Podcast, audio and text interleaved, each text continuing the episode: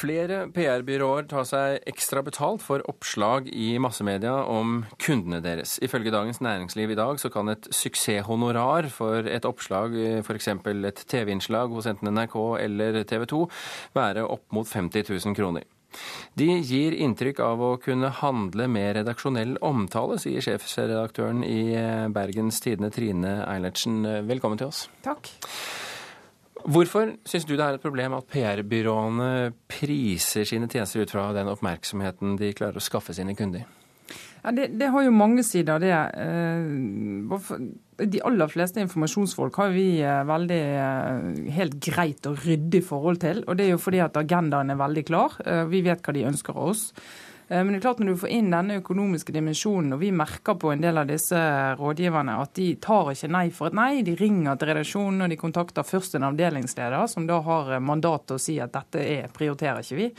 Så gir de seg ikke med det, men begynner å ringe rundt på huset til journalister og sommervikarer. Og det så plutselig dukker forsynet med en eller annen sak opp som en sopp et eller annet sted i redaksjonen, selv om det egentlig er blitt avvist.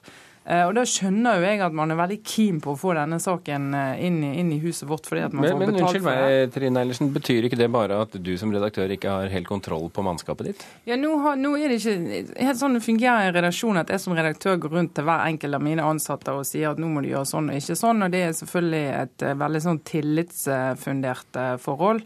Eh, men det, det, vi må jo kunne ha det sånn at hvis noen kontakter en avdelingsleder, som altså en leder hos oss, og sier at dette prioriterer ikke vi, og så går det rundt fra journalist til journalist, så betyr det faktisk at vi kaster veldig mye tid bort på å både avvise denne personen, sitte i telefon med denne personen, og hele tiden jobbe eh, for å understreke at vi kanskje prioriterer noe annet som vi gjør.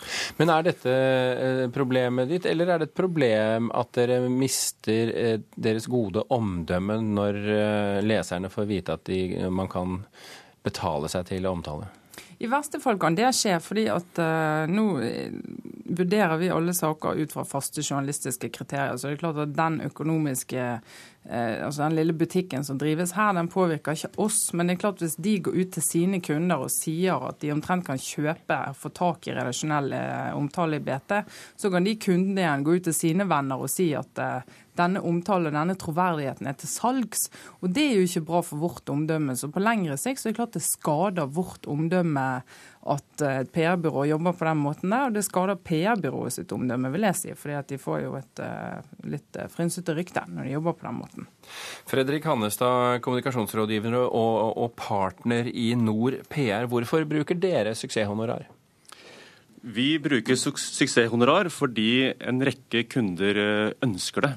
Og vi eh, utarbeidet en eh, modell for hvordan eh, vi kan bruke suksesshonorar som en konsekvens av at kunden etterspurte det. Men betyr det Hannes da, at hvis kunden ba dere om noe umoralsk, så ville du si ja fordi at de, de ville det? Nei. Det er ikke slik at fordi mange mener noe, så er det dermed etisk riktig. Eh, det, det, må skje ut fra en norm i bransjen om at eh, det er forsvarlig å gjøre dette. Og Bransjenormen som styrer dette, den sier at forholdet mellom kunde og PR-byrå Eh, og hvordan betaling skjer, det er noe som skjer i den relasjonen, og som bransjen ikke eh, legger, bransjeforeningen ikke legger seg opp i. Men når du hører eh, hvordan Trine Eilertsen beskriver hvordan de kan da bli utsatt for sånne salgsforsøk hvor, hvor vedkommende ikke gir seg, hva, hva, tenker du om det da? Jo, da tenker jeg at jeg er helt enig med Trine Eilertsen i det. Fordi er det noe vi er opptatt av, så er det slik at hvis vi ringer en avdelingsleder og får vite at denne saken ikke er interessant, så ringer vi ikke en journalist i neste omgang og forsøker å selge inn saken på annet vis. Og Jeg kan ikke snakke for andre byråer enn NorPR, men eh, det er en eh, oppførsel som vi ikke forsvarer hvis, eh, hvis det skulle skje fra vårt byrå. Morten William Knutsen, førstelektor ved Handelshøyskolen BI. Er det å prise medieomtale, slik vi kan lese om i Dagens Næringsliv i dag, en korrekt måte å måle suksess i PR-bransjen? Ja, før jeg kommenterer det, så må jeg i hvert fall få gratulere NordPR med glimrende PR. ja, vi gjør hva vi kan for det kommunikasjonsbransjen. Si, at, eh, hvis du snur litt på dette her og ser den prislista der, så er det jo sånn at det, blant kunder så er det nok en slags oppfatning om at reklame virker mindre og mindre og er nokså kostbart. Og at PR, altså redaksjonell omtale, har jo det ved seg at det har høy troverdighet. Og den prislista der virker jo da nokså rimelig. Du får mye effekt ut av pengene her. Så jeg vil nok tro at det, det man da kan tenke her, er jo selvfølgelig at det er sånne type oppslag er viktig for annonsører, for merkevarebyggere osv. Fordi at det, det å få medieomtale er en slags form for gratis eh, reklame. Men er det uetisk? Nei, altså Om det er etisk eller ikke, det vet jeg ikke. For det er jo det, det som Trine Eilertsen var inne på her. altså at det, Jeg oppfatter jo mediene til å være en garantist for uavhengighet. Det er jo på en måte en slags troverdighetskapital, som man kan si. Så når jeg kjøper en eh, Dagblad eller Bergens Tidende i dette tilfellet, så er jo jeg opptatt av at den eh, informasjonen som kommer der, er vurdert ut fra journalistiske kriterier, og ikke er et slags reklameorgan for annonsører. Så jo, Min oppfatning er jo at norske medier holder veldig høy standard på å vurdere sånne innspill fra PR. Og det har vært en lang debatt i mange år om dette her. Men når man snakker om troverdighet, eh, den er vel ikke knesatt en gang for alle? Nei, og det er klart at eh, troverdighet er jo noe man må gjøre seg fortjent til over tid. Og det er klart at det, Hvis det nå kommer fram ikke sant, at man kan betale seg for, betale seg fram til PR, så tror jeg det på lang sikt, som Trine Eilertsen var inne på her, det vil også svekke eh, troverdigheten til annonsørene som står bak. Så det er liksom en litt sånn dilemma her. Men vi har jo da innenfor dette feltet da, som jeg jobber med, så er det en slags omregningsfaktor som ofte legges til grunn, som betyr at hvis du får så og så mye oppslag, så og så mange oppslag, så er det verdt så og så mye i kroner. Og klart, Hvis du da kan betale et visst antall kroner i suksesshonorar pluss et eh, honorar i tillegg, så kan dette fremstå som noe billig. Eh, Trine Eilertsen, er det noen som tipser Bergens Tidende om noe som helst uten å ha et ønske om å påvirke?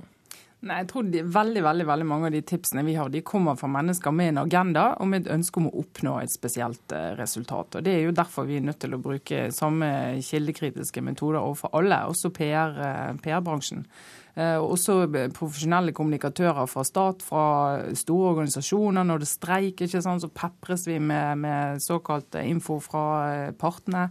Eh, og det kommer eh, mer og mer strømlinjeformet alt sammen. Men litt av utfordringen til oss, eh, pressen, det er jo at antall altså kommunikatører er så stort nå. Det er jo flere av de enn det er journalister. Og det er en så voldsom, massiv strøm av eh, saker om du vil, og informasjon som kommer inn til oss, som vi hele tiden skal sitte og ta stilling til.